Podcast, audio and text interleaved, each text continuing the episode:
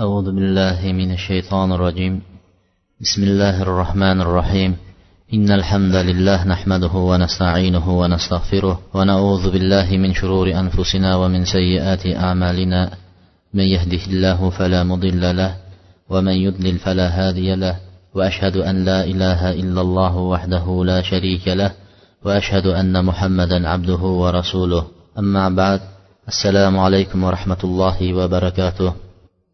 Alloh subhanahu va taoloning go'zal ismlari buyuk sifatlari bilan bugungi darsligimizni o'zining rozi bo'ladigan darslardan qilishligini va davomiy bo'lishligini va avvalo o'zimga qolaversa barchamizga manfaatli darslardan biri bo'lishligini alloh taolodan so'raymiz.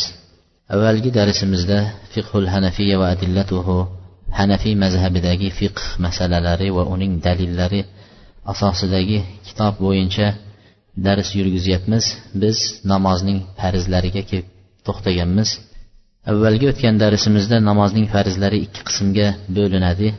Namozning tashqarisidagi farzlar bular shartlar namozning shartlari deb ataladi. Namozning ichidagi farzlari esa namozni rukunlari deb ataladi deganmiz. Va shartlari namozning tashqarisidagi olti shartni aytib o'tdik. Endi namozning ichidagi farz ya'ni rukunlariga kelib to'xtaganmiz. Hozir shuni davom ettiramiz. Eng avvalo namozning ichidagi rukunlarning birinchisi takbiratul ehrom deydi. Takbiratul ehrom takbiratul ehrom degani namozga kirishlik. Allohu akbar deb namozga takbir aytishlik bilan namozga kiriladi. Namozga takbiratul ehrom aytmasdan namozni to'g'ri kelib turib namozga niyat qildim deb kirib ketsa namozning farzi yo'qoladi va namoz botil bo'lib qoladi. Shuning uchun namoz durust bo'lmay qoladi. Shuning uchun takbiratul ehrom farz hisoblanadi. Payg'ambar sollallohu alayhi vasallamning bunga aytgan hadislari dalil bo'ladi. Miftahu solat at tuhur va tahrimuha takbir va tahliluha taslim namozning kaliti poklikdir tahoratdir deganlar. Namozning kaliti tahoratdir va uning tahlili tahrimi tahrim degani kirishlik bilan namozning tashqarisida qilayotgan amallar endi namozni ichida harom bo'ladi. Shu o'rtan chegara shu gap bilan allohu akbar deyish bilan namozni tashqarisida yeyishlik ichishlik gaplashishlik halol bo'lsa endi allohu akbar deb namozga kirishi bilan shu narsalar harom bo'ladi. Shuning uchun takbirati tahrim deydi. Nima? O'sha narsalarni harom qiladigan takbir mana shu allohu akbar kalimasi bilan. Namozni tahrimi o'sha halol harom qiladigan narsalari nima bo'lyapti? Takbir bo'lyapti. Allohu akbar degan kalima. Endi namozni tugatgandan keyin endi haligi yeyish ichish gaplashish halol bo'ladigan narsalari salomdan keyin shu halol qiladigan ishlari taslim degan salom berishlik. Rahmatulloh. Assalomu alaykum va rahmatulloh deb salom berib namozdan chiqqandan keyin endi boshqa muboh ishlar halol bo'laveradi. Takbir al ehrom yoki takbirat tahrim deydi. Nima uchun shunday harom qilingan takbir deb aytilinadi desa muboh ishlar namozdan avval qilishlik joiz bo'lgan ishlar o'sha takbirdan keyin qilishligi harom bo'ladi. Shuning uchun takbirati tahrim deb aytishgan deyishadi. Ikkinchi farzi namozning ichidagi farzlarning ikkinchisi rukunlarning ikkinchisi al qiyam qiyomda tikka turib namoz namozni tikka turib o'qish.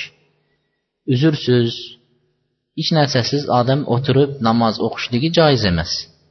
Qiyom farz bo'lganligidan.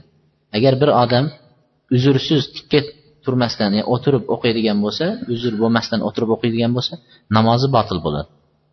Shuning uchun alloh subhana taolo mana bunga alloh taoloning oyatini dalil qilib aytadi vaqumu lillahi qonitin alloh subhanahu va taologa qonitin degani o'sha qiyomda turishlik va xushu bilan hudu bilan namoz o'qishlikni buyurdi. Qumu turinglar dedi. Alloh taologa yani namozda tikka turib o'qishlik qiyomda turishlikni aytdilar. Va shunday payg'ambar alayhissalotu vassalomning imron ibn husaynga aytgan so'zlarida solli qoiman tikka turib namoz o'qi dedi. Qiyom farz ekanligini bayon qilyapti. Tikka turib namoz o'qi. Agar tikka turishga qodir bo'lmasang o'tirib o'qi. Agar unga qodir bo'lmaydigan bo'lsang alajam yonboshga yotib o'qiy ya'ni yonboshlab yuzni qiblaga qaratib o'qi deb buyurdi. Demak qiyom farzi qachon soqit bo'ladi qachon qiyomda turmasa bo'ladi uzr bo'lgan vaqtda. Kasallik sababli turolmaydigan holatda o'sha farz soqit bo'ladi. Ammo solatul nafl nafl namozlar deydi uni insonni ixtiyorida bo'ladi xohlasa o'tirib o'qiydi agar qiyomga qodir bo'lib tursa ham tikka tura bilsa ham lekin o'tirib o'qishligi mumkin. Lekin qiyomda turib o'qishligi afzal debdi. Misol taroveh namozlari. Taroveh namozlari nafl namozlardan hisoblanadi. Lekin shu namozni misol uchun uzun muddat o'qilinishligi e'tibori bilan ba'zi bir kishilar toliqib qolishi boshqasiga nima qilib turib o'tirib o'qisa bo'laveradi deyapti. O'tirib o'qisa bo'laveradi nafl bo'lgani uchun farzga bo'lmaydi. Naflga o'tirib o'qisa bo'ladi lekin turgani baribir ham deydi afzal deydi. Afzali tikka turib o'qigani afzal deyapti. Imron ibn husaynni hadislarida saaltu rasululloh an rajul qoida bir kishi namozni o'tirib o'qisa qanday bo'ladi deb so'raganlarimda deydi. U kishi aytdiki agar tikka turib o'qisa afzal.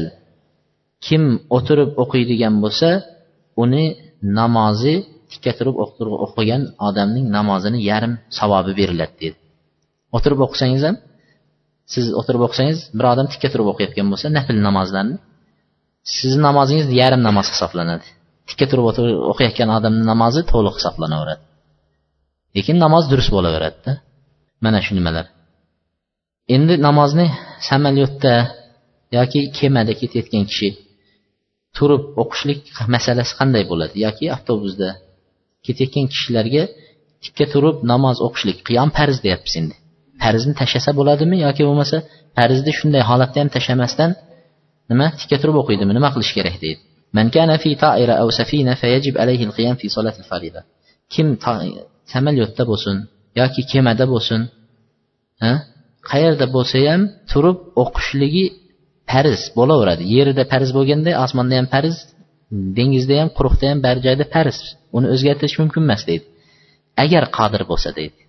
Agar qodir bo'lsa shu yetib kerakda e, joy bo'lsa imkoniyat bo'lsa mumkinchilik bo'lsa kemani alohida bir xonalari bo'lsa odam kemada turganda chalqalib masalan uchun o'rnidan qo'zg'alib u yoqdan bu yoqqa yiqiladigan holat bo'lmaydigan bo'lsa samolyotda ham shunday bemalolchilik keng joy turib o'qishga imkoniyat bo'lsa o'qiydi.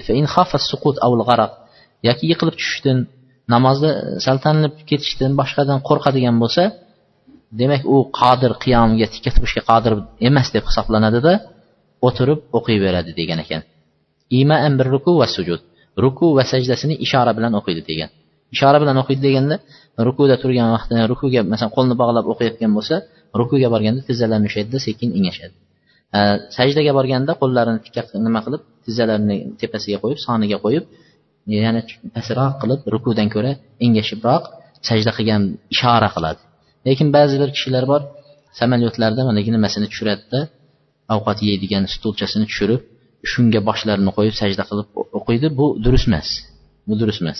Yoki bo'lmasa biror bir choponini biror narsasini oldiga qo'yib bir yostiqga o'xshatib turib shu narsaga bunday bunday sajda qilib o'qigan bo'ladi. Bu narsalar durust emas. Faqat ishora bilan boshni engashtirib ko'tarishlik bilan o'qilinadi. Yerdan biror narsani ko'tarib sajda qilishlik uchun ko'tarishlik joiz emas. Uchinchisi al qiroa namozdagi qiroat bu farz rukunlari namozning rukunlari deydi. Qaysi qiroat rukun hisoblanadi? Abu hanifa va imom ahmaddan ba'zi bir rivoyatlarda aytadiki innal fatihata la yataayyan qira'atuha va annahu tujzi'u qiraatu aya minal qur'an aytishgan ekanki qaysi namozda degan ekan abu hanifa va uni mazhabida va imom ahmadni bir rivoyatida aytgan ekanki namozda albatta shu fotiha surasini o'qishlik shart emas. Namozda qur'onni qaysi bir oyatni o'qib qo'ysa bo'laveradi deyishgan ekan. Qur'onni qaysi biri masalan bilmaydigan odam namozni endi o'rganyapti misol uchun hech narsa bilmaydi. Bitta oyat yo ikkita oyat biladigan bo'lsa shuni o'qib namoz o'qiyveradi demoqchida. Shu bilan namoz qabul bo'laveradi. Agar farz deganimizda fotihani farz desak haligi odamni bir oyat o'qiyotgani ikki oyat o'qiyotgani bilan namoz botil bo'laverardi farzni keltirmaganligi uchun. Shuning uchun bo'laveradi deyishgan ekan. Ularning dalillari alloh taoloni mana bu oyatini dalil qilishib faqrau ma tayassara minal qur'an. Qur'ondan sizlarga muyassar bo'lgan qaysi narsani yodlagan bo'lsanglar shu muyassar bo'lgan narsani o'qinglar degan oyatni dalil qilishgan ekan. Qur'onni qayeridan bo'lsa ham bir oyat o'qisangiz ikki oyat o'qisangiz o'sha nimaga bo'laveradi degan. Bunga dalilga javob berishyaptiki bunga boshqa olimlar dalil beryapti javob beryapti yo'q. Qur'ondan muyassar bo'lgan narsani o'qinglar degani eng yengil va eng muyassar bo'ladigan narsa fotiha surasi. Fotihani o'qi deyapti deydi. Yoki bo'lmasa bu oyat fotiha surasi nozil bo'lishidan oldin tushgan oyat bo'lishi mumkin deydi. Shuning uchun shu vaqtda durust edi. Fotiha tushganidan keyin fotiha o'qilinmagan namoz namoz bo'lmaydi degan dalilni keltirishyapti. Ikkinchidan xuddi shunga o'xshagan dalilni keltirib abi hurayrani payg'ambar alayhissalotu vassalom qissati musisolat degan bir nima keladi. Namozni xato o'qigan kishi haqida e, namozni xato o'qiyotgan kishi haqida hadis hamma namozni farzlari vojiblari shunda bayon qilinadi. Bu hadis bir kishi payg'ambar alayhissalom kirib o'tirganlarida bir kishi kelib namoz o'qidi. Tezda namoz o'qib keyin payg'ambar alayhissalomni oldilariga keldi. Unda payg'ambar alayhisalom chaqirdida aytdiki ey falonchi sen namozni o'qimading qaytarib o'qi dedi. Haligi kishi borib yana shunday o'qidi. Tez o'qib qaytib kelganda namoz o'qimading qaytadan namoz o'qi dedi uchinchi martasida ham shunday qilganlaridan keyin aytdiki allohga qasamki sizni payg'ambar qilib yuborgan zotni ismiga qasam ichaman.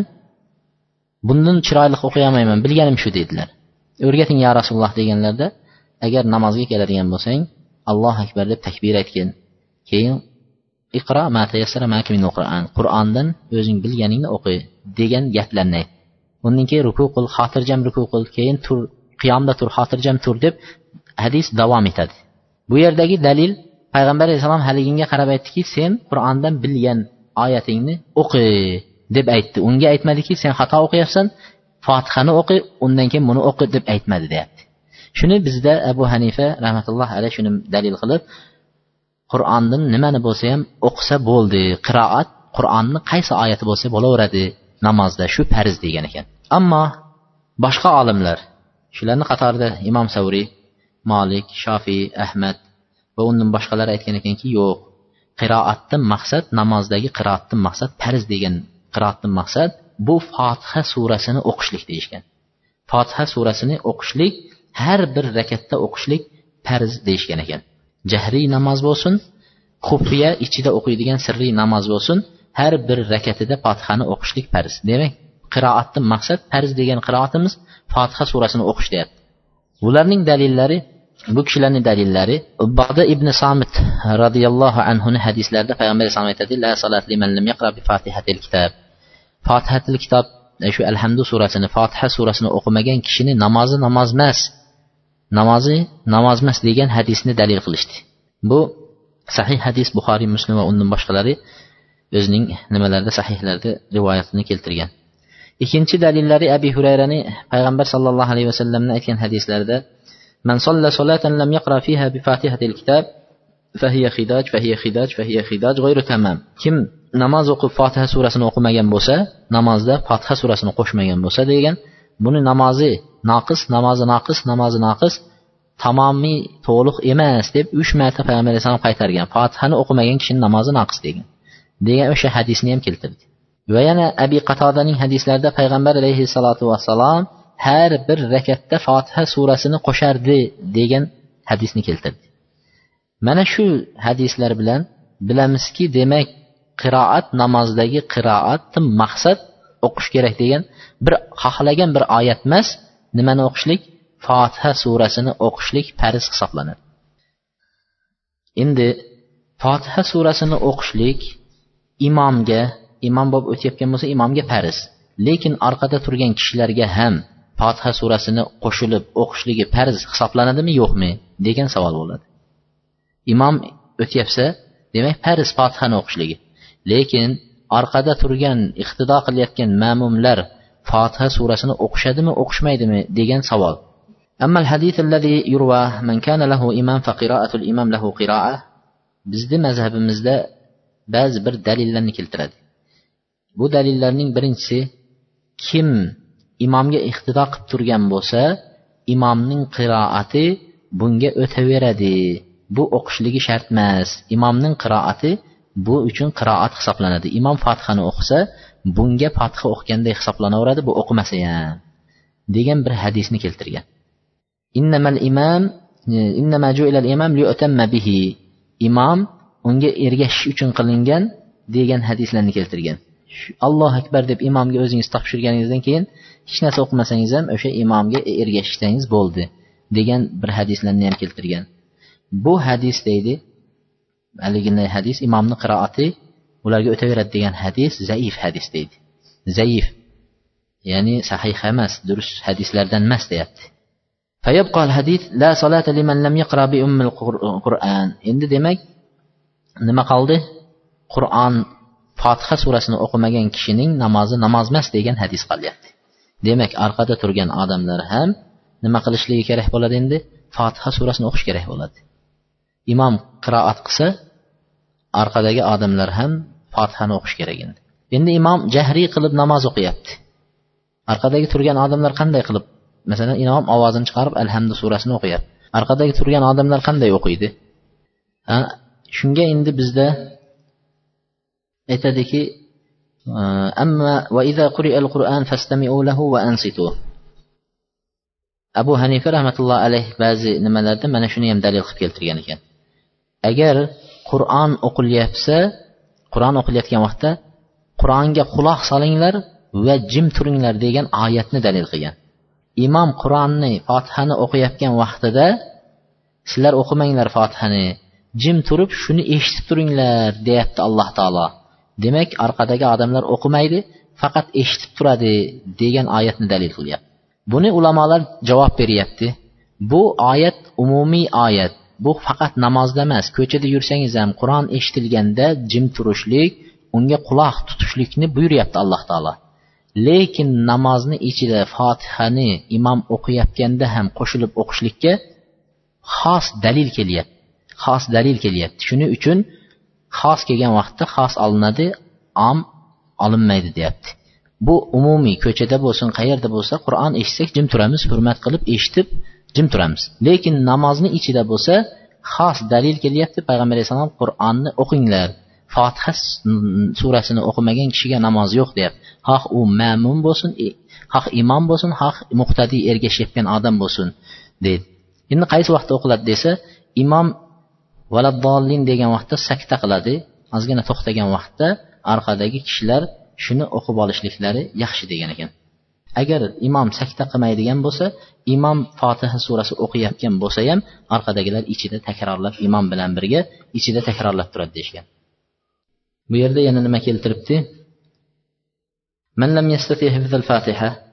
Fotiha surasini yodlay olmagan kishilar o'rniga nima narsani o'qishligi mumkin degan savol qo'yibdi hattobiy maalim sunan degan kitobida aytadi إذا لم يحسن قراءة الفاتحة يقرأ ما عرف من القرآن قدر سبع آية fotiha surasini bilmagan kishilar qur'ondan yetti oyat miqdoridagi oyatlardan xohlagan bilgan surasini o'qisa bo'laveradi yetti oyat debdi chunki fotiha surasi yetti oyatlik miqdor bo'lganligidan yetti oyatlik surani o'qisa bo'ladi debdi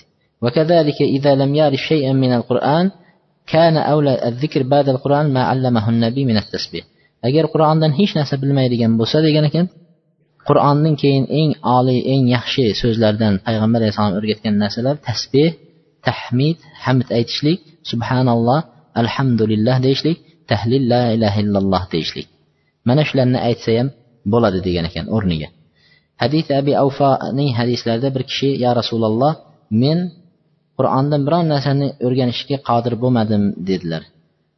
Shu namozimda joiz bo'ladigan narsani o'rgating. Nima narsa qilsam endi durust bo'ladi deganlarda payg'ambar alayhissalom aytibdiki subhanalloh valhamdulillah va la ilaha illalloh vallohu akbar va la havla va la quvvata illa billah degan tasbeh tahmid tahlillarni ayting shu suralarni o'rniga deb o'rgatgan ekan. Buni shayx albaniy hasan hadislardan degan abu dovud rivoyat qilgan nimalarda chiqargan hadislarda kelgan ekan.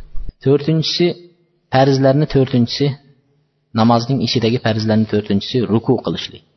Ruku namozni ichidagi farzlardan biri va sajda qilishlik ham namozning ichidagi farzlardan. Bunga dalil alloh taolo irkau vasjudu ruku qilinglar va sajda qilinglar degan oyatini dalil qilishgan.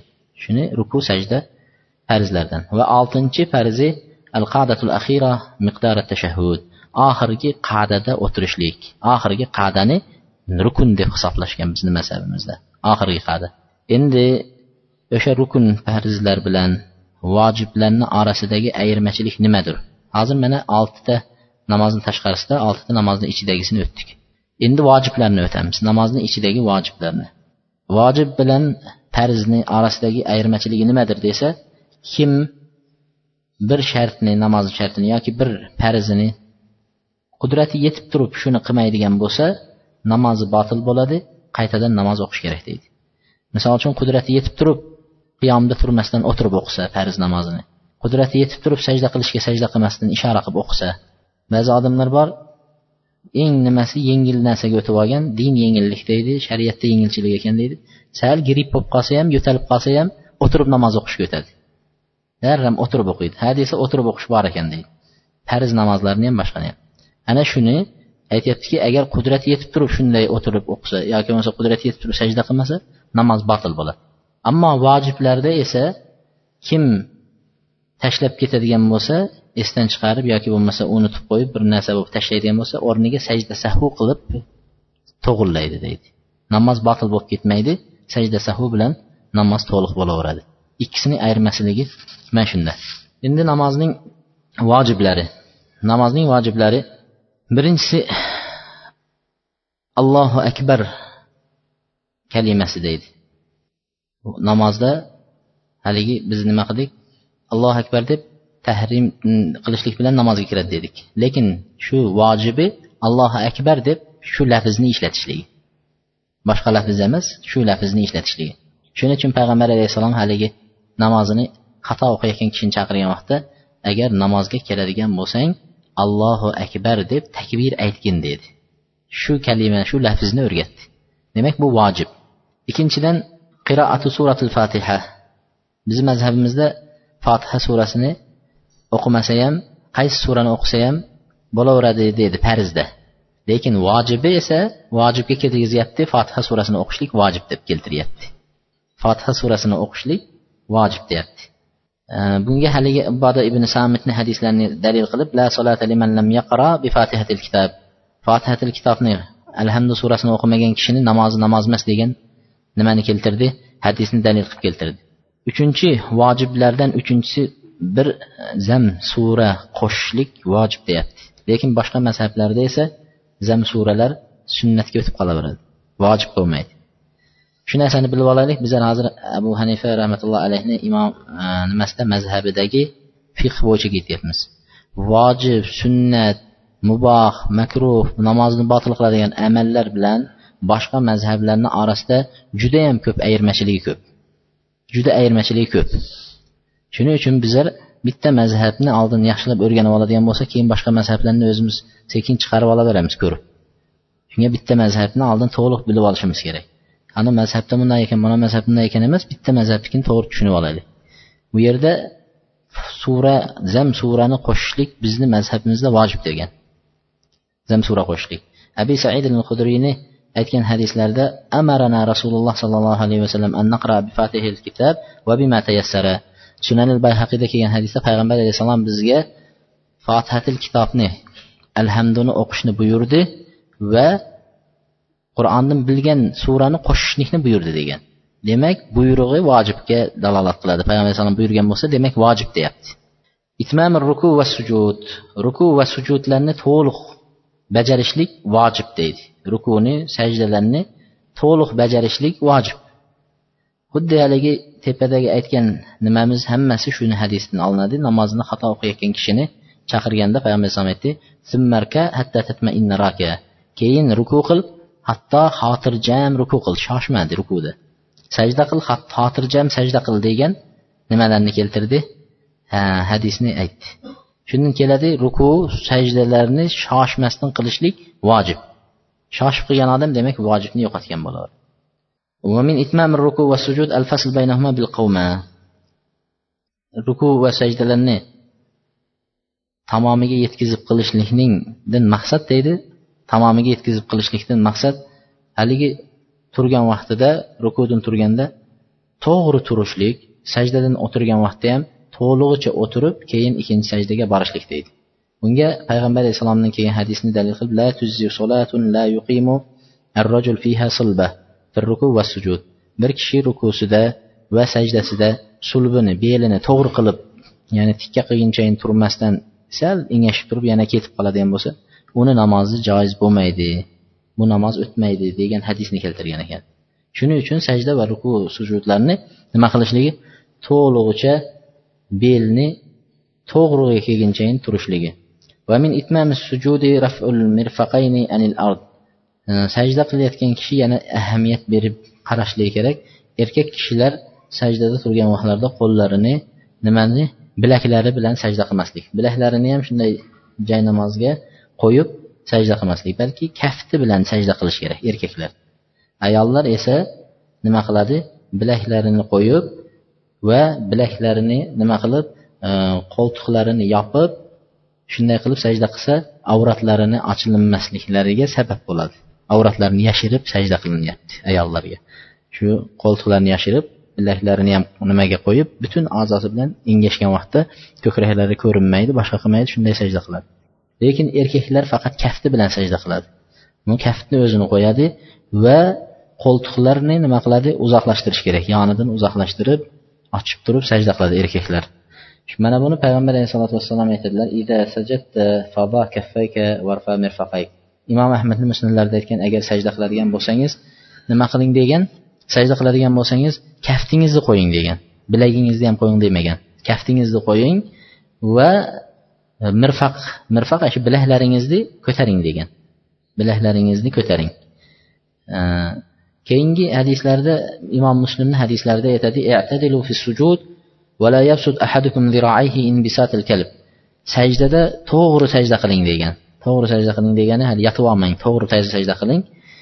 Sizlarni bittalaringlar xuddi itlar oyog'ini haligi qilib uzun qilib to'shab yotgan singari nimasini kaftlar nimalarini bilaklarini yerga to'shab olmasin degan. Erkaklar demak bilaklarini yerga bunday tegizib sajda qilishligidan qaytargan payg'ambar alayhissalom beshinchi vojiblari namozni vojiblarini beshinchisi attumanina. Namozni shoshmasdan o'qishlik vojib. Namozni shoshmasdan o'qishligi vojib. Lima rava abu hurayra min hadisi musi solatahu. Mana abu hurayrani yuqoridagi haligi namozni shoshib o'qigan kishini payg'ambar alayhissalom chaqirdida sen namoz o'qimading namozingni qaytar degan. Deganlaridan keyin u kishi men yo rasululloh bundan oshiq namoz bilmayman o'rgating deganlarida agar namozga turadigan bo'lsang takbir ayt keyin qur'ondan bilgan suralaringni o'qi keyin ruku qil hatto xotirjam ruku qil. Shoshma.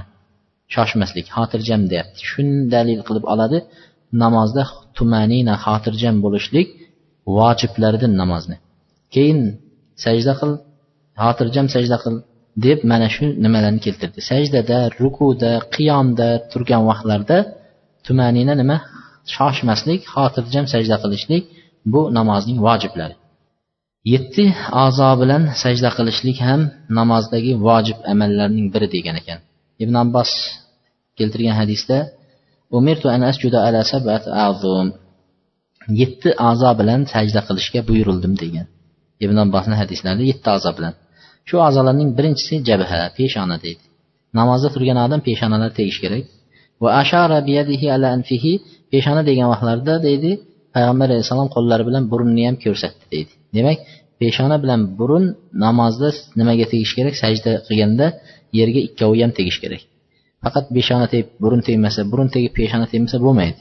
Ikkisi bir hisoblanyapti. Va al yadayni ikkita kaft uchta bo'ldi. Keyin Э, nima? Arrijlayni ikkita tizzani tegishligi. Beshta bo'ldi. Va ikkita oyoqning nimalari? Panjaning uchlari nima qilgan vaqtda? Sajda qilgan vaqtda panjani uchlari tegib turishi kerak bo'ladi. Yettita bo'lyapti. Odam sajda qilgan vaqtda oyog'ini ko'tarib olsa bo'lmaydi. Boshi yerga tegib turib oyog'ini yerdan uzib olib oyog'ini nima? Yerga tegizmasdan ko'tarib olsa durust bo'lmay qoladi. Vojib buziladi. Shuning uchun namozning vojiblari ana shu yetti a'zo hammasi namozda sajdada tekib turishligi kerak degan ekan. Yettinchi vojiblari al jalsatu bayna sajdatayn ikki sajdani orasida o'tirishlik degan. Sajdaga bordi keyin nima qildi? Qaytib o'tirdida o'tirib xotirjam o'tirib undan keyin ikkinchi sajdaga borishligi. Shu oradagi o'tirishlik namozni nimasi deydi? Vojiblardan deydi. Oysha roziyallohu anhoni keltirgan hadislarda kana rasululloh sollallohu alayhi vasallam إذا رفع رأسه من السجدة لم يسجد حتى يستوي جالسا agar payg'ambar alayhissalom birinchi sajdani qilganlaridan keyin boshini shu sajdadan ko'tarsalar ikkinchi sajdaga darrov ketib qolmasdi hatto to'g'ri bo'lib yaxshilab o'tirib xotirjam bo'lganidan keyin keyin ikkinchi sajdaga borardi demak ikki sajdani orasida keyin o'qiladigan duosi bor Uni keyin nimalarda o'tamiz? Mustahab amallarda o'tamiz. Ana shunda namozning sunnatlarida boshqasida. Ana shu duosi o'qilinadi ikki sajdani orasida. Allohu akbar allohu akbar deb ketib qolmasdan shu duoni o'qib xotirjam nima qilib keyin ikkinchi sajdaga borinadi. Va yana payg'ambar alayhissalomni haligi e, namozini noto'g'ri o'qiyotgan kishiga qarab usjud hatta tatmainna sajida. Sajda qilganda xotirjam sajda qil keyin boshingni sajdadan ko'tarib xotirjam o'tirib keyin ikkinchi sajdani xotirjam qilgin degan hadisni dalil qilib mana shu yerda ikki sajdani orasida o'tirishlik vojib degan ekan. Ikki sajdani orasida o'tirishligi vojib. Sakkizinchisi namozning vojiblarining sakkizinchisi al qadatul ula birinchi qadada o'tirishligi vojib deydi. Abdulloh ibn buhaynani hadislarda sollalana rasululloh rakatayn payg'ambar alayhissalom biz bilan ikki rakat namoz o'qidilar. Namozda turib ketib o'tirmadi. Haligi to'rt rakatlik namoz bo'lsa ikki rakatida o'tirishligi vojib deyapmiz o'rtasida o'tirishligi. O'sha e, oxirida o'tirishligini nima dedik? Rukn dedik. To'rt rakatlik namoz bo'lsa o'rtasidagi ikki rakatini o'qimay turib ketsangiz nima bo'ladi? Vojib yo'qoladi. Oxirgi rakat oxirgi to'rtinchi rakatdagi tashahhudda o'tirmaydigan bo'lsangiz qadi rukn yo'qoladi. Shu birinchisida o'tirmasdan turib ketdi deydi ikki rakatda. Odamlar birga turishdi. Keyin namozni o'qib bo'lgandan keyin salom taslimahu kabbara. Salom beradi deb tursak payg'ambar alayhissalom allohu akbar deb sajda ikki sajda qildilar. O'tirgan joyida allohu akbar deb ikki sajdaga borib salomdan avval sajda qildilarda keyin salom berdi deydi. Salomdan avval sajdaga ketib keyin salom berdi deydi. Bu muslimning rivoyatlarida kelgan. Bizda e, sajda sahu nimalarga kelgan vaqtda inshaalloh sajda sahuning turlarini aytamiz inshaalloh. Sajda sahu qanday qilinishligi turlarini qaysi o'rinda qanday qiladi salomdan avval qilinami salomdan keyin qilinami degan masalalar bor. Lekin e, bizda faqat sajda sahu deganda assalomu alaykum va rahmatulloh deb bir tarafga salom berib keyin ikki marta sajda sahu qilib keyin attahiyotini yana to'liq o'qib keyin o'ngga va chapga salom beradi deyilinadi lekin bizni hozir o'qiyotgan hadisimizda payg'ambar alayhissalom salom bermay turib ikki marta sajda qildilarda keyin salom berdilar deyapti. Attahiyotni yana qaytadan o'qidi demayapti. Ko'rdingizmi endi hozir biz mana shu mazhabni gapini aytyapmiz. Mazhabdagi dalillarni barisini aytyapmiz. Shundayam haqni qabul qilmaydigan odam qabul qilmaydi. Shundayam deydi mana deydi o'zgartirib yubordi dinni deb aytaveradi. Dini ota bobomizdan o'rgangan mana sajda sahuni ham o'zgartiribdi bular deydi. Endi nima deysiz boshqa? Mana shunday. Biz kitobdagi bor narsani hidoyaga kitabul ixtiyorga boshqa kitoblarga murojaat qilib hammasida bir xil so'z ekan. Shoyatki shu ota bobomizni so'zi chiqib qolsa deb izlasak chiqmayapti. Shuni endi iloji yo'q aytyapmiz kitobdagi borini tashahhudul axir val julus fihi oxirgi tashahhudda o'tirishlik oxirgi tashahhud va unda o'tirishlik vojiblaridan deydi namozni vojib to'qqizinchisi namozning vojiblari shu hadis ibn masud qola kunna naqulu qabla an yufrad alayna tashahhud bizga deydi ibn ibn masud roziyallohu anhuni hadislarida aytadiki bizga tashahhud farz bo'lishidan avval Əssəlamu əlallah, əssəlam ələ Cibril, əssəlam ələ Mikail deyib şunday təşəhhüd oxuyurduq deyildi. Təşəhhüd şunday oxuyurduq deyildi. Keyin Peyğəmbər əleyhissalam etdilər ki, unday deməyinlər, bəlkə nima deb oxunurlar? Ət-təhiyyatu lillahi və salavatut tayyibat deyib mənə şu təşəhhüdünü öyrətdi. Mənə şunday oxuyunlar dedi. Demək, mənə şunu oxuşluğu ət-təşəhhüd demək, mən şu uslubda keldi. Peyğəmbər əleyhissalam şunday buyurdular, şunday oxuşğa vacib deyətdi. 10-cusu ət-təslim, salam verib namazının çıxışlığı vacib. Vacib əməllərinin 10-cusu salam veriş. Kənən nəbiyyu sallallahu aleyhi ve sellem yəxtimu salata bit-təslim. Peyğəmbər əleyhissalatu vesselam namazını təslim bilən, salam verişlik bilən tükətərdi deyən ekan. Namazı oxub qoyandan keyin ondan tutub getə versən olmaydı. Assalamu alaykum və rahmetullah deyib namazın çıxışlığı. Şunun üçün yuqarıdakı ötən hədisdə tahliluha at-təslim deyildi. Namazını halallaydigan narsa salom deydi salom berishlik bilan nima qiladi? Namozdan chiqadi deydi. O'n birinchisi al jahr fima yajhar val isror fima yusir. O'n birinchi vojibi jahr qilishligi namozni jahr qilinadigan narsani jahr qilib o'qishlik kerak. Maxfiy qilib sir qilib o'qiladigan namozlarni ichda o'qiladigan namozlarni ichda o'qishligi. Ichda o'qiladigan namozlarni ichda o'qishligi vojib. Mana ato ibn abi raboh aytadi anna abu hurayra qola fi kulli solatin yuqra'u fima asma'ana rasululloh. Asma'nakum va ma akhfa alayna akhfayna alaykum.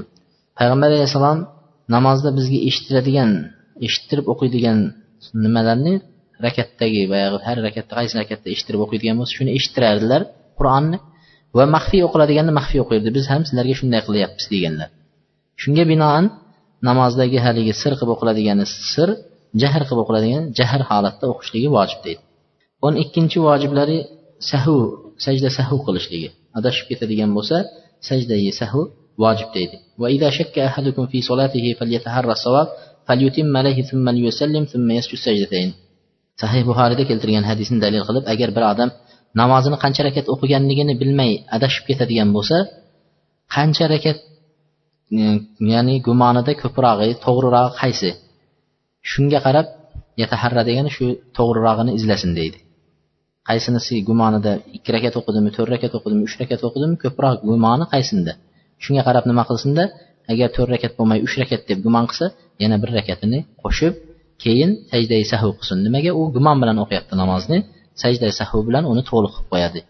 Adashganligi uchun shubha qilganligi uchun sajda sahu qilinadi deyapti. Shu sajdai sahu namozning vojiblaridan. O'n uchinchisi sajda tilova agar mabodo namozda bo'lsin sajda tilovani o'qib qoladigan bo'lsa sajda oyatlari namoz sajda oyatlarini o'qiydigan bo'lsa shunda sajda qilishligi vojib. Sajda qilishligi vojib. Abu rofiyaning hadislarida aytadi abi hurayra bilan bir kuni tom namozini o'qidim deydi. U kishi shaqqat surasini o'qib shunda nima qildi? Fasajada fiha shunda sajda oyati bor. Sajda oyatini o'qigandan keyin sajda qildilar. Bu sajda qanaqa sajda? deb so'radim deydi. To'g'ri ketib sajda qilgandan keyin nima sajda bu deganlarida aytdiki men payg'ambar alayhissalomni orqasida o'qiganlarimda shunday sajda oyatini o'qigandan keyin sajda qildilar. Shu sajdani hatto nima o'lgunimchayin men ham davom ettiryapman deganlar. Bu muslim rivoyatida kelgan demak bir odam sajda oyatini o'qiydigan bo'lsa namozida sajda qilishligi vojib namozdagi vojiblar o'n to'rtinchi vojib amallari mutabaatul imom fi g'ayril qiroa har narsasida yotishda turishda imomga iqtido qilib qilgan odamlar imom bilan ergashgan holatda o'qishligi. Imom allohu akbar deb rukuga ketsa bu hali sura o'qiyotgan bo'lsa surasida turavermas kerak. Imom ketgandan keyin darrov to'xtatib nimaga ketishligi rukuga borishligi. Sajdaga ketadigan bo'lsa sajdaga borishligi. Imom bilan birgalikda nima qilishligi namozini ado etishligi vojiblardan o'n to'rtta vojib amallarni biz sanadik. Kim shu vojiblarni birini tark qilib qo'yadigan bo'lsa deydi kim shu vojiblarni birini tark qiladigan bo'lsa vajaba alayhi sajdata assahu ikki marta sajdaga sahu qilib qo'ysa namozi mukammal bo'laveradi deydi. Demak hozirgi nimalarimiz? Olti dona namozning ichidagi rukunlari va o'n to'rt dona namozdagi nimalarni aytdik? E, vojiblarni aytdik. Lekin ulamolar ba'zilari yana boshqalarni ham qo'shgan bo'lishi mumkin boshqa kitoblarda. O'n to'rt emas o'n oltita o'n sakkizta qilib vojibni qo'shgan bo'lishi mumkin boshqa kitoblarda. Bizni e, nima qilayotgan suyanayotgan kitobimizda mana bu fiqul hanafiyada mana shu o'n to'rt donasini sanagan. Shuning uchun bizlar bir kitob asosida bo'lganimiz uchun shunga nima qilyapmiz? Lekin hidoyaga qaraydigan bo'lsangiz o'n to'rtga yetkazmagan. Ba'zisini ba'zisini ichiga kirgizib yuborgan vojiblarni. Shuning uchun e, bunda o'n to'rt emas ekan bunda buncha ekan deb qolmaslik kerak. Ertaga kuni bir kitoblarga qarab turib. Mana shu vojib amallari shular. Sajda qilib turib boshqa oyatdan bitta oyat qo'shib yuboraveradi boshqa oyatdan bitta oyatni qo'shib yuboraveradi bu yerda biz bir e, kishining hayoti haqida kichkintay tanishib o'tmoqchimiz. Bu kishi tobeinlardan bo'lgan kishi. Payg'ambar alayhissalotu vassalomning zamonasida payg'ambar alayhissalomni ko'rmaganlar lekin sahobalarni buyuk buyuk sahobalarni ko'rgan va payg'ambarga iymon keltirgan va eng ibodatning cho'qqisiga chiqqan taqvodor va olim sahobalarni qo'lida ta'lim olgan tobeinlardan biri. Bu kishining ismlari abdulloh amir amir ibn abdulloh at tamimiy al anbariy degan kishi ekan. Amir ibn abdulloh at tamimiy al anbariy degan kishi ekan. Bu kishini o'zi najd shahrida nima qilganlar? Dunyoga kelgan deydi. O'zi najd shahrida dunyoga kelgan.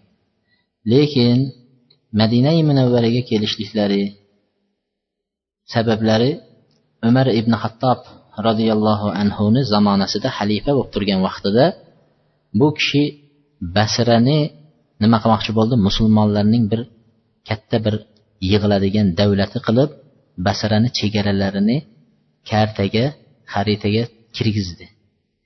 Kirgizib shu yerga musulmonlarning askarlarini shu joyga basra shahriga yig'ishlikka farmon chiqarib qo'ydi. Shunda bu kishiyam o'zining ulushini qo'shay musulmonning davlatlaridan biriga shahrini himoya qilishlikka o'zimni hissamni qo'shay deb najid shahridan nimaga keldilar? Madinaga kelib madinadan basraga jo'natdi u kishi. Umar roziyallohu anhu jo'natganlar. Shu vaqtda butun hamma mol dunyolari musulmonlarni butun boyliklar birinchi bo'lib turib basraga kelib basrada yig'ilib basradan keyin baytul molga musulmonlarning baytul moliga tushadigan mablag' ulushlar o'sha yerga taqsimlanib qolgani musulmonlarni ichida taqsimlanardi deydi. Lekin bu kishini e, amir ibn abdullohning bu yerga kelishliklarining sabablari mol maqsadida dunyo orttirish maqsadida mana shu yerda eng ko'p tijorat bo'layotgan ekan eng ko'p dunyo shu yerga yig'ilayotgan ekan degan maqsadda kelmadi deydi. Faqatgina allohning musulmonlarni yerini himoya qilib beray saqlab beray degan niyatda shu yerga keldi deydi. Bu kishi dunyoga hech qiziqmaydigan faqat oxirat va allohni roziligini axtaradigan kishilardan biri edi. Shu vaqtda basradagi eng katta sahobalardan biri basra shahrida turgan sahobalardan biri abu musal ashariy roziyallohu anhu edi. Basrani nima qilib turgan? Eng katta sahobalardan nima qilib fatvo berib dars yurgizib turgan olimi sahobalardan biri abu musal ashariy edi. Bu kishi abu musal ashariyning qo'llarida ta'lim oldilar. Abu musal ashariyni qo'llarida ta'lim oldi. Juda ham katta ilmni egasi bo'lib katta olim zohid kishilardan biriga aylandi ilmi to'liq yetuk olim bo'lganidan keyin hayotini ikki qismga bo'ldi bu kishi. Amir ibn abdulloh hayotini ikki qismga bo'ldi. Birinchi qismi deydi hayotining birinchi qismini qur'on o'rgatishlik odamlarga zikr halaqatlarida dars halaqalariga bag'ishlab qo'ydi. Qayerda bo'lsa yaxshilik qur'on ta'limi masjidda halaqada zikrlarda bo'ladi. Shunaqa bir nimaga umrini hayotini shunga bo'lib qo'ydi. Hayotini ikkinchi qismini esa xoli qolgan vaqtlarda bo'sh bo'lgan vaqtda faqat ibodat bilan mashg'ul bo'lishlikka ajratdi. Ibodat qiladi alloh taolo bilan munojat qiladigan shu narsaga ajratib qo'ydi. Demak hech yomonligi yo'q odam. Birovga yomonligi yo'q qo'lidan kelsa qur'onni bilgan narsasini odamlarga o'rgatadi bo'sh bo'lib qolsa uyida o'tirib ibodatini qiladi masjidda o'tirib ibodatini qiladi. Bo'ldi. Mana shu ikkita narsa. Boshqa hech qanaqa nimasi yo'q edi. Bir kuni deydi bir kishi men amir ibn abdulloh bilan deydi nima qildim? Safarda birga bo'lib qoldim deydi. Kech payt bo'lgan vaqtlarda deydi amir sekin matolarni bir chekka qo'ydi. Bir joyda dam olayotgan vaqtda tunda dam olayotgan vaqtda matolarni yig'ishtirib qo'yib otini bir daraxtga bog'ladi va arqonini uzun qilib o'tlaydigan qilib qo'ydi. Va shu yerga borib bir chakalakzorni ichiga kirib ketdi deydi. Keyin men deydi buni orqasidan ergashdim. Nima qilar ekan bu chakalakzorni ichida deb uni orqasidan ergashdim deydi.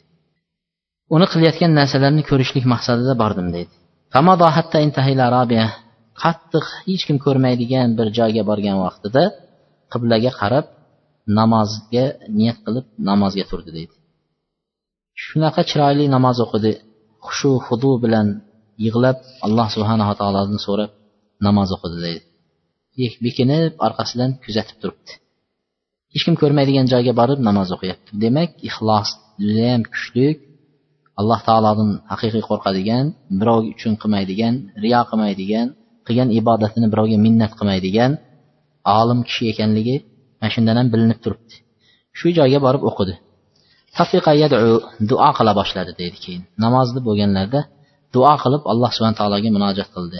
Duolardan aytgan so'zlari deydi ilahi laqad xalaqtani bi amrika ey robbim o'zingning amring bilan meni dunyoga keltirding yaratding. Va aqamtani fi biladi hadihi dunya bi mashiatik o'zingning ixtiyoring bilan mana bu dunyoni mana shu shahrida yashashlikni menga o'zing nasib qilding. O'z ixtiyoring bilan mani shu dunyoga keltirib qo'yding. Keyin sen alloh taolo aytyapsan istamsiku bil urvatil vusqo dinni mahkam ushanglar.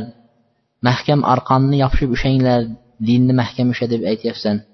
Ey allohim agar sen o'zingni lutf karaming bilan menga shuni ushlashlikni muyassar qilib yengillatmasang men qanday ham dinni mahkam ushlay olardim deb allohga duo qilyapti deydi dinni ushlashlikni o'zing menga mahkam ushlab to'g'ri turishlikka o'zing mani muyassar qilmasang man qanday qilib turib dinni mahkam ushlay olaman ey allohim deydi ilahi innaka ta'lam ey alloh agar sen bilasan albatta meni qalbimda nima o'tayotganini bilasan.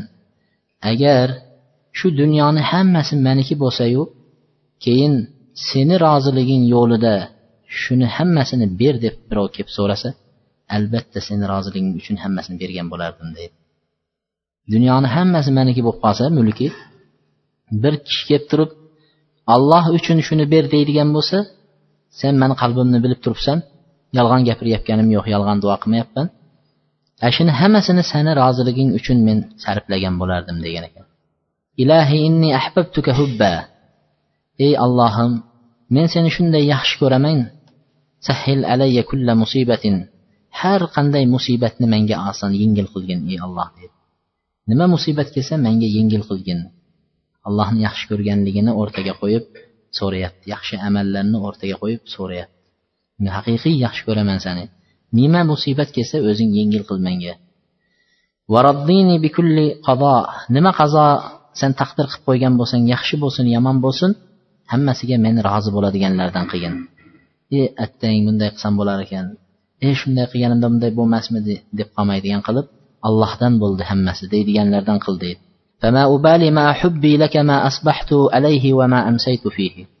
Madomiki men seni yaxshi ko'rib turar ekanman. Ey alloh man seni qalbimdan seni yaxshi ko'rar ekanman. Tong ottirib nima narsa bilan tong ottirsam ham kechiktirganda qanaqa musibatlar bilan kechiktirsam ham unga parvo qilmayman deydi. Nima tashvish g'am o'taversin modomiki man seni yaxshi ko'rar ekanman bo'ldi shuni o'zi yetadi deyapti. Qiyinchilik bo'lsin mashaqqat bo'lsin odamlarni so'z gapi bo'lsin eh, modomiki biz allohni yaxshi ko'rar ekanmiz shuni o'zi bizga kifoya.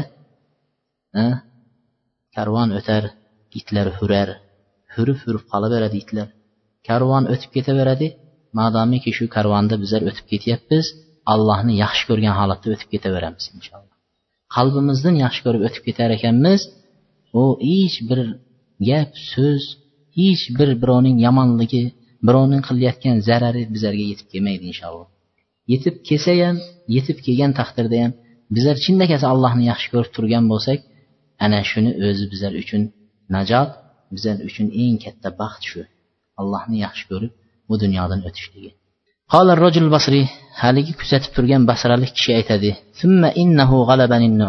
qarab o'tirib o'tirib mudroq bosib ketdi deydi bir pas ko'zim uyquga ketib birozdan keyin uyg'onsam omir haliyam namozida davom etib nima qilib turibdi namoz o'qiyapti deydi keyin subuh chiqar vaqtida duo qildi.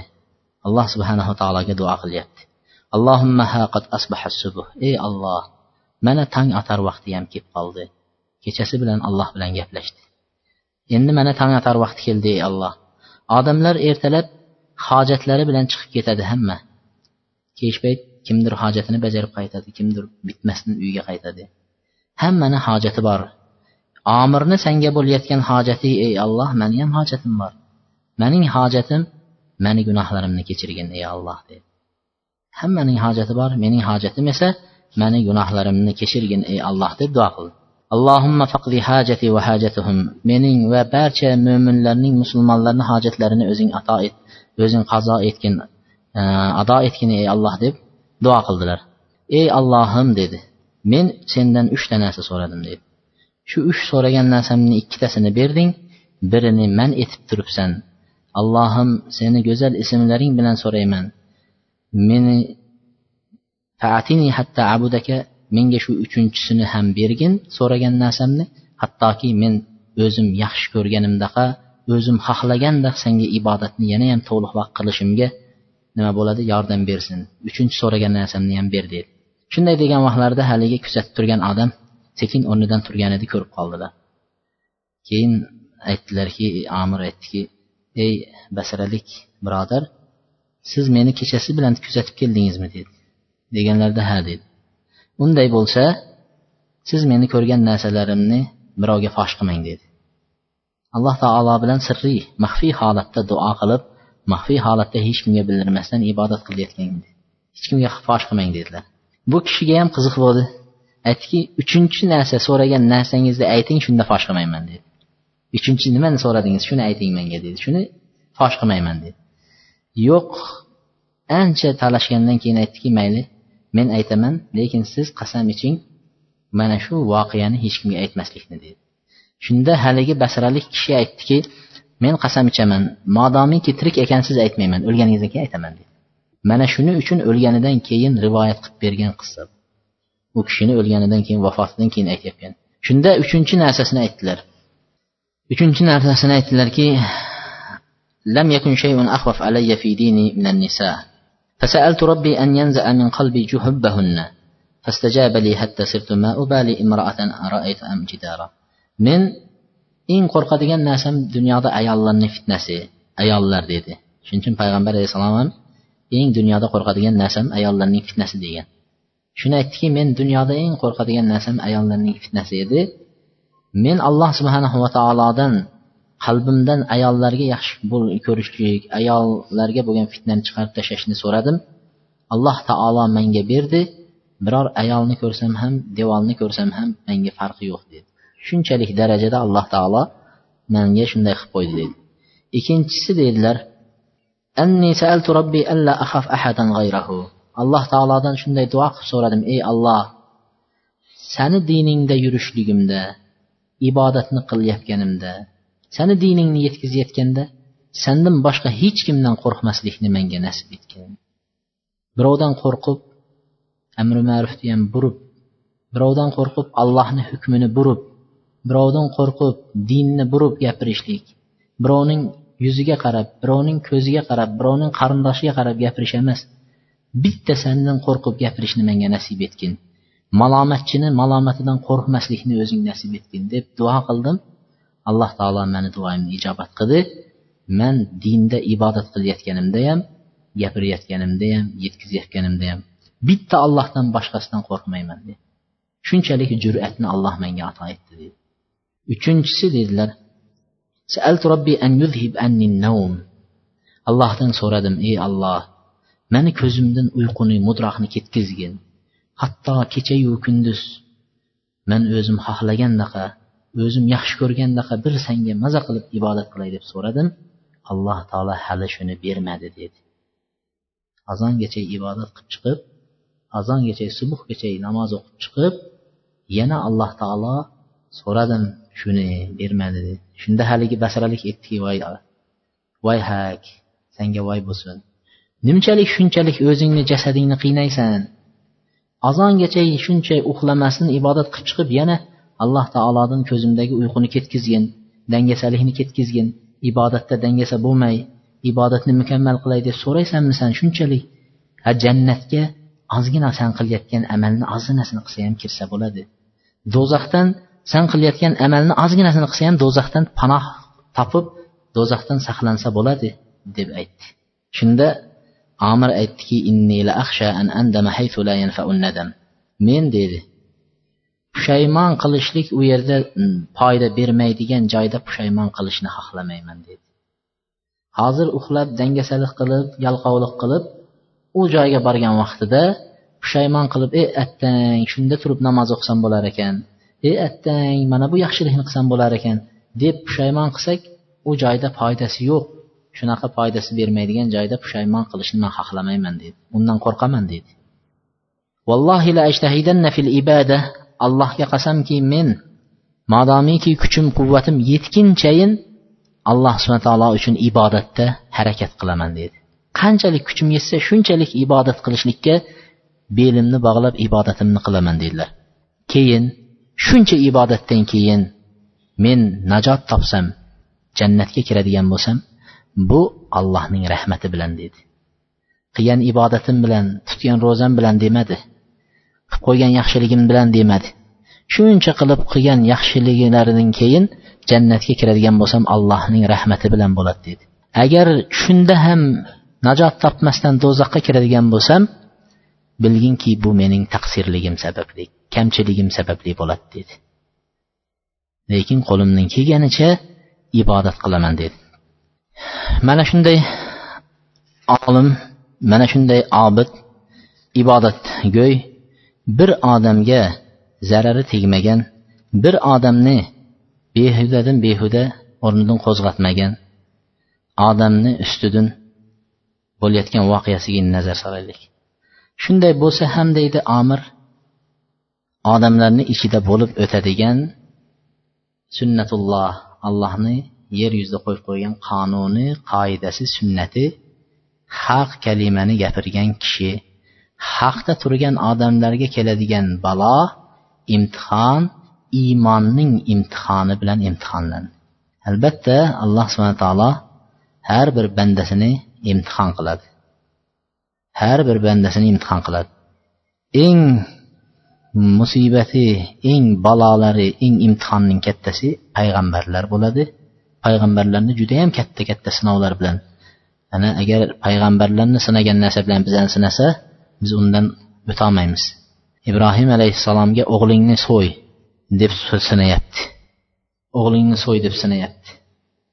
Bizga hali unaqa sinovlar bizga molingni so'y desa so'yolmaymiz. Ibrohim alayhissalomga do'zax nimaga? O'tni yoqib turib o'tga otyapti. Bizni o'tga yoqib emas uyimizga kelib sal nima qilib qo'ysa yo'q bo'lib qolamiz. Yana ibrohim alayhissalomning bolasini ayoli bilan olib borib hech qanaqa ekin tikini suv yo'q odam yo'q joyga tashlab ket deyapti alloh. Tashlab ketyapti. Sinovlar ayub alayhissalomni butun a'zolarini chiritib yara bostirib alloh taolo sinayapti mana shunga o'xshagan eng qattiq sinov payg'ambarlarga bo'ladi keyin shuning mislida bo'lganlar sahobalar undan keyin shuni yo'lida merosxo'rlari olimlar undan keyin shuni yo'lida ketayotgan taqvodorlar hammasiga sinovlar kelaveradi degan. Shularni qatorida omir ibn abdullohga ham shunchalik yaxshi odam bo'lsa hayotini aytib turibdi. Faqat odamlarga qur'on ta'lim berardi bo'sh qolsa namoz o'qib o'tirardi deydi. Bu kishiga ham allohni sinovi keldi. Bir kuni omir yo'lda o'tib ketyapsa bir mirshab deydi. Nima qildilar? Bir zimmiyni yoqasidan ushlab sudrayapti zimmiy degani musulmonlarni davlatida yashab turgan kofir kishi kofir kishi shu vaqtda musulmon podshohiga musulmonlarning hokimiga o'sha davlatda yashaganligi uchun to'lanadigan haq belgilab qo'yiladi shu haqni to'laydi va shu joyda bemalol yashaydi. Biror narsa bo'ladigan bo'lsa shu davlat va shu nima musulmonlar xuddi musulmonlarni himoya qilganday o'sha kofirni himoya qiladi. Islom dini shunchalik din kofirga ham aziyat yetkazadigan din emas.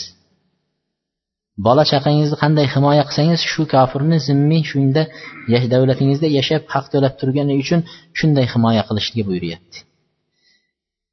Kim bir zimmiyni deganlar behaq o'ldiradigan bo'lsa bir kofirni musulmon davlatda yashayotgan kofirni behaq o'ldirsa behaq tegadigan bo'lsa unga jannatni hidini alloh subhana taolo harom qildi degan bir kofirga bir kofirga bo'layotgan muomalani musulmonni muomalasini qarang. Qanday endi musulmon bir musulmonga ozor yetkazishi mumkin? Qanday qilib musulmon behuda ishlar qilishi mumkin? Hozirgi kundagi musulmonlarni ustiga yopilayotgan tuhmatlarga o'xshagan narsani musulmonlar qilishligi mumkinmi? Shundan omir o'tib ketayotsa shunday bir zimmiyni bir mirshab davlat mirshabi yoqasidan ushlab sudrayapti haligi zimmiy aytyapti. Payg'ambaringlar ahd paymon qilgan zimmiyga tegmanglar deb mana meni sudrayapti ey musulmonlar menga yordam bermaysizlarmi sizlar? dedi. Shunda omir sekin keldida mirshabga aytdiki bu davlat uchun to'lanadigan haqni berganmi? dedi. Deganida zimmiy aytdi men to'lab qo'yganman berganman dedi. Degandan keyin siz qayerga sudrab ketyapsiz? degan edi mirshab aytdi ha bu bir kofir zimmiy ha buni men uyimga olib borib uyimni supurtirmoqchiman dedi. Sudrab olib ketib uyimni supurtirmoqchiman dedi. Omir ibn abdulloh haligiga qarab aytdi sen buni uyini borib supurib kelishga rozimisan dedi. Deganlarida yo'q men rozi emasman meni uyimda bolalarim bor. Bugun ovqatini olib kelaman deb chiqqanman agar men ishlab biror narsa ko'tarib bormasam ular och qoladi dedi. Shunda omir sekin ridolarini yechdida chaponini yechib zimmiyni ustiga qo'yib darrov quchoqlab aytdiki allohga qasamki dedi. Bu zimmiyni dedi meni qo'limdan tortib olishga haqqing yo'q dedi. Buni men qutqazaman dedi. Haligini omir qutqardi musulmonlar shu yerda ko'payishdi hammasi yopishib bu musulmonni tortma olib bormaysan hech qayerqa haqqing yo'q deb olib qolishdi.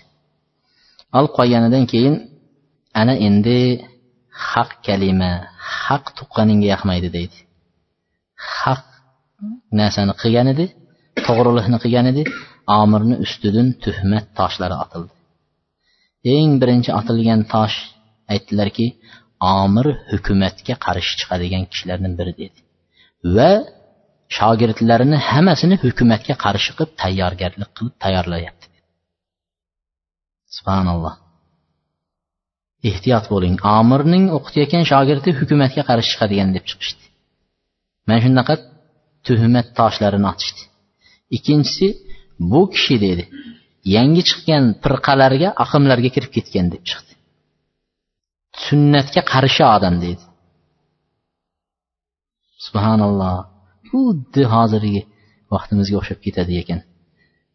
Yangi chiqqan oqimga kirgan bu bundan ehtiyot bo'lish kerak deydi uchinchisi bu kishi payg'ambar alayhissalomni sunnatlarini qilmaydi va uylanishlik sunnatidan bosh tortib yuribdi uylanmay yuribdi dedi. To'rtinchidan bu hukumatdagi odamlarni va hukumatni yomon ko'radigan odam shuning uchun podshohlarni borib ziyorat qilib turmaydi dedi degan tuhmat toshlarini otib. Hatto bu xabar usmon roziyallohu anhuning xalifalik davri edi shunga yetib keldi. Shunda usmon roziyallohu anhu o'zining basradagi hokimiga xat yo'lladi.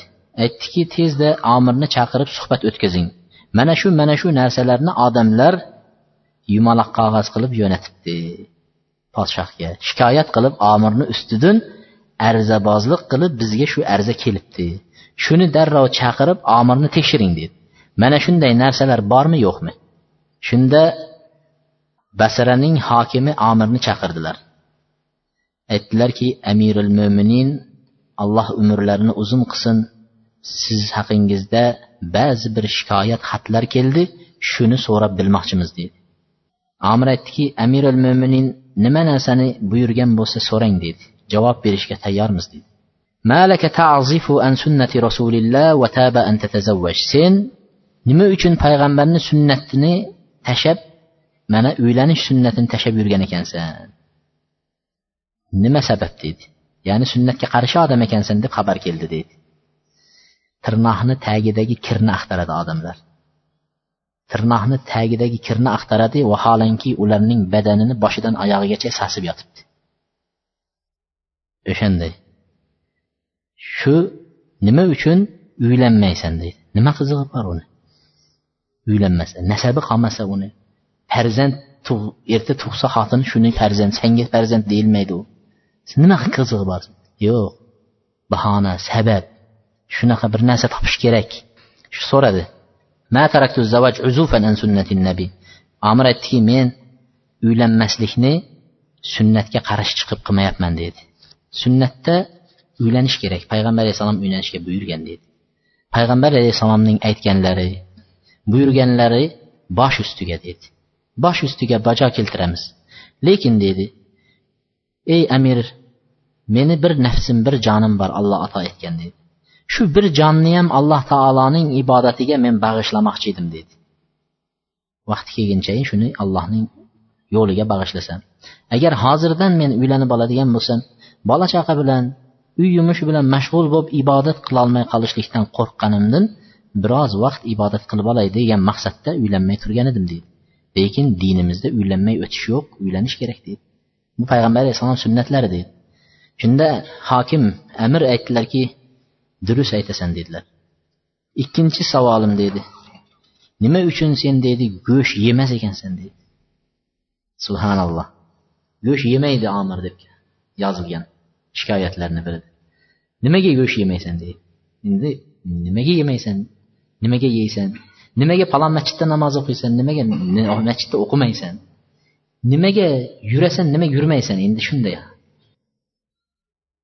ko'rdingizmi bal akul amir aytdilar bal akuluhu ida ishtahaytuhu vajadtu agar ishtaham bo'lib tursa ovqatga go'shtga va topsam yeyman dedi. Agar ishtaham bo'lib go'sht topolmasam yeyolmayman dedi. Yoki go'shtni topsamu ishtaham bo'lmay tursa yemayman dedi. Mana shuni deganlarida podshoh durust aytasan dedilar.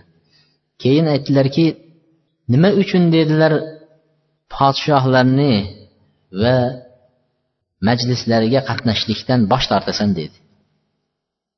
Podshohlarni majlisiga e, qatnashishdan bosh tortasan deganlarida omir aytdilarki inna abwabikum inna fi abwabikum kathiran min tullabil hajat. Sizlarni dedi eshiginglarda hojatmand kishilar juda ko'p o'chirtda turadi dedi. Unisi bundan shikoyat qilib kelgan bunisi bundan shikoyat qilib kelgan bir narsa so'rab kelgan birisi yordam so'rab kelgan birisi pul so'rab kelgan birisi yer so'rab kelgan. Juda ko'p odamlar o'chirtda o'chirtda navbatda turadi. Sizlar shu navbatda turgan odamlarga yordam beringlar va hojati bo'lmay sizlarga kelmagan odamni tek qo'yib qo'yavermaysizlarmi deydi. Mani hojatim yo'q ekan kelmayapman. Hojatim bo'lsa kelaman albatta deydi. Hozir sizlarga aytadigan hojatim yo'q kelmayapman deydi. Hojati bor odamlarni hojatini o'tayveringlar deydi. Omirni bilan o'tgan suhbatni basraning podshohi usmon ibn affon roziyallohu anhuga yubordilar. Mana shunday mana shunday. Aytilingan so'zlar hammasi tuhmat ekanligini aytib yubordi. Usmon roziyallohu anhu aytdilarki men ham shunday deb o'ylagan edim dedi. Omir ibn abdulloh bunaqa ish qilmaydi deb o'ylagandim dedi. Lekin shunday bo'lsa ham yomonlarning mishmishlari fitnalari va qilayotgan to'polonlari to'xtamadi deydi. Omirni ustidan yana shikoyat yana shikoyat yana shikoyat davom etaverdi deydi. Amiril mo'minin bir chora ko'rish kerak bo'ldi. Keyin omirga xat yubordilarda aytdiki tezda basradan shom shahriga falastin shahriga chiqib keting va u yerning podshohi muaviya ibn abi sufyon sizni kutib oladi va sizga joy beradi dedi shahardan ko'chishga to'g'ri keldi.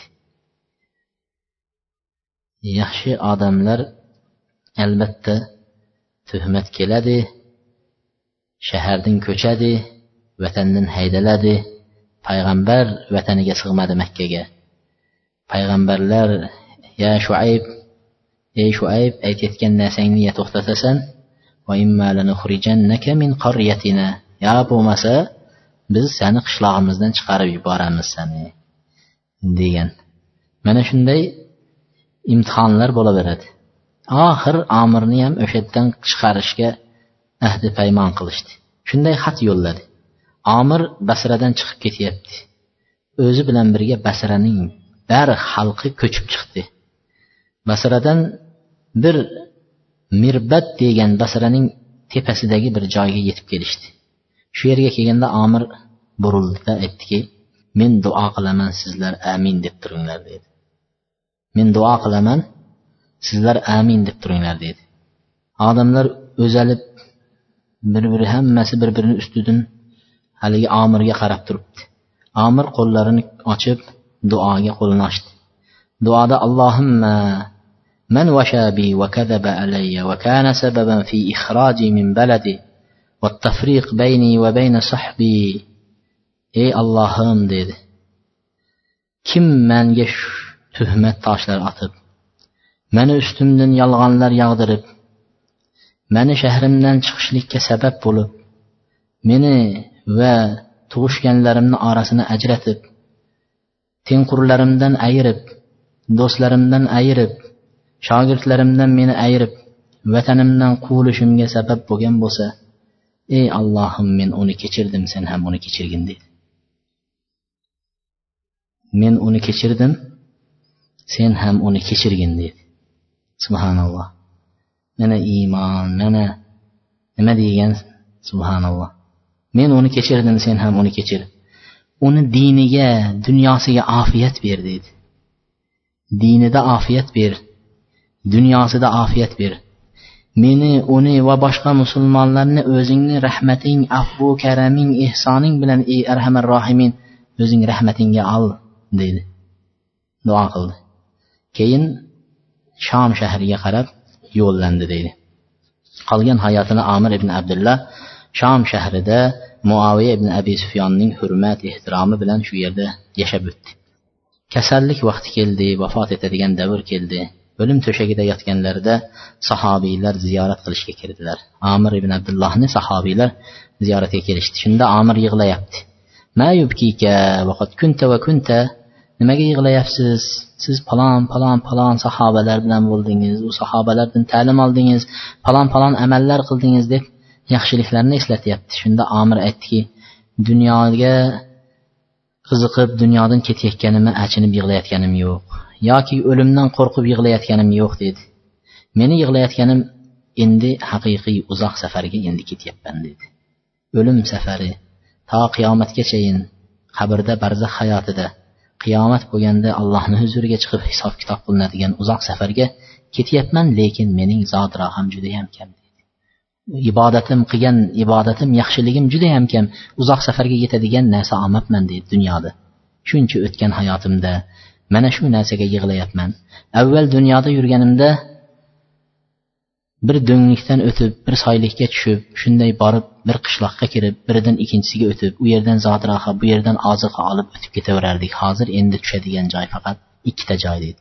Yo jannat yo do'zax shu ikkisidan biriga ketyapman. Ana shunga yig'layapman deb omir alloh u kishini rahmatiga olgan bo'lsin. Bas o'sha falastin shahrlarida shom shahrida hayotini shu yoqda o'tkazib vafot etdi. Demak mana shunday holatlar o'tganlarni tobiinlarning nimalarida ham topilgan tobiinlarning hayotlarida ham topilgan. Biz odatda ba'zi bir darslarimizda duolardan ham o'rganib turar edik. Ikkita duoni o'rgatganmiz. Alloh rozi bo'lsin ba'zi bir birodarlarimiz shu duoni yodlaganliklarini eshitib yana ham xursand bo'ldik. Bu yerda payg'ambar alayhissalotu vassalomni bir duolari bor. Shu duolarni o'qib ma'nosini aytamiz keyin uyga borib shu duoni izlab topasizlar. Topmaganlar kelib o'zimizdan yozib olishadi. Doimo namozda va boshqa vaqtlarda o'qilib turiladigan duolar payg'ambar alayhissalomni eng yaxshi ko'rgan duolaridan biri. Allohimma inni as'aluka xashiyataka fil g'aybi va shahada. Ma'nosi ey allohim men sendan e, g'oyib vaqtda ham shahada odamlarning ko'zini oldida ham odamlar ko'rmayotgan g'ayib vaqtda ham sendan qo'rqishlik haqiqiy qo'rqishlikni so'rayman deydi. Chindaki allohdan qo'rqa bilishlikni o'zing nasib qilgin menga va asaluka kalimatal haqqi fil g'adab va rida. Haq kalimani g'azab chiqib turgan vaqtda ham rozi bo'lib turgan vaqtda ham ayta olishlikni o'zing rizqlantirgin sendan so'rayman. Haq kalimani inson g'azabi chiqqanda ham haqni aytish kerak rozi bo'lganda ham haqni aytadiganlardan qil deydi. Kambag'al bo'lsam ham boy bo'lsam ham o'rta holatda bo'lishlikni o'zingdan so'rayman. Ha? Kambag'allikda ham o'rta holatini boy bo'lib ketganda ham haddidan oshib ketmaslik o'rta holatni so'rayman. Asaluka naiman la yanfad. Tugamaydigan ne'matlarni so'rayman va uzilib qolmaydigan ko'zning xursandchiliklarini so'rayman. Sen qazo hukm qilib qo'yganingdan keyin o'zingni qazoyi taqdiringdan keyin shunga men rozi bo'ladiganlardan qilishingni so'rayman. o'limdan keyin lazzatli bir hayotni shirin hayotni so'rayman. sani buyuk yuzingga qiyomat kunida nazar solib lazzatlanishlikni so'rayman ey alloh sani yuzingni menga ko'rishni nasib etgin ey allohim qiyomatda. Sanga yo'liqishlikka mushtoq bo'lib yashashlikni sendan so'rayman ey alloh. Sanni qiyomatda qachon allohga yo'liqar ekanmiz? Qachon allohni robbimizni yuzini ko'rar ekanmiz jannatda? Degan bir shavq bilan yashashni men sendan so'rayman. Birovga zarar ham yetkazmay birov menga zarar ham yetkazmagan holatda sani senga yo'liqishni so'rayman. Vala fitnatin mudilla. Biror bir zalolatga olib ketadigan odamlarning fitnalariga yo'liqib qolmasdan senga yo'liqishlikni so'rayman. Allohimma zayyinna bil iymon allohim bizni iymon bilan ziynatlantirgin muhtadin. Hidoyat topganlardan va to'g'ri yo'lga yo'llaydiganlardan bizni qilgin deb payg'ambar alayhissalom duo qilgan ekan. Shu duolarni doimo o'qib yursak inshaalloh yaxshi bo'ladi. Vallohu alam. Bugun mana shu bilan to'xtaymiz. Keyingi darsimizda namozning sunnatlari və namazın müstəhəbləri, namazın batılıqla deyən əməllər, namazga taalluqli yana məsələlərini nimədən davam etdirəmiz. Mənə şu məsciddə davam etdirəyəm. Subhanakallahumma və bihamdika astaghfirullah və atubu ilayk.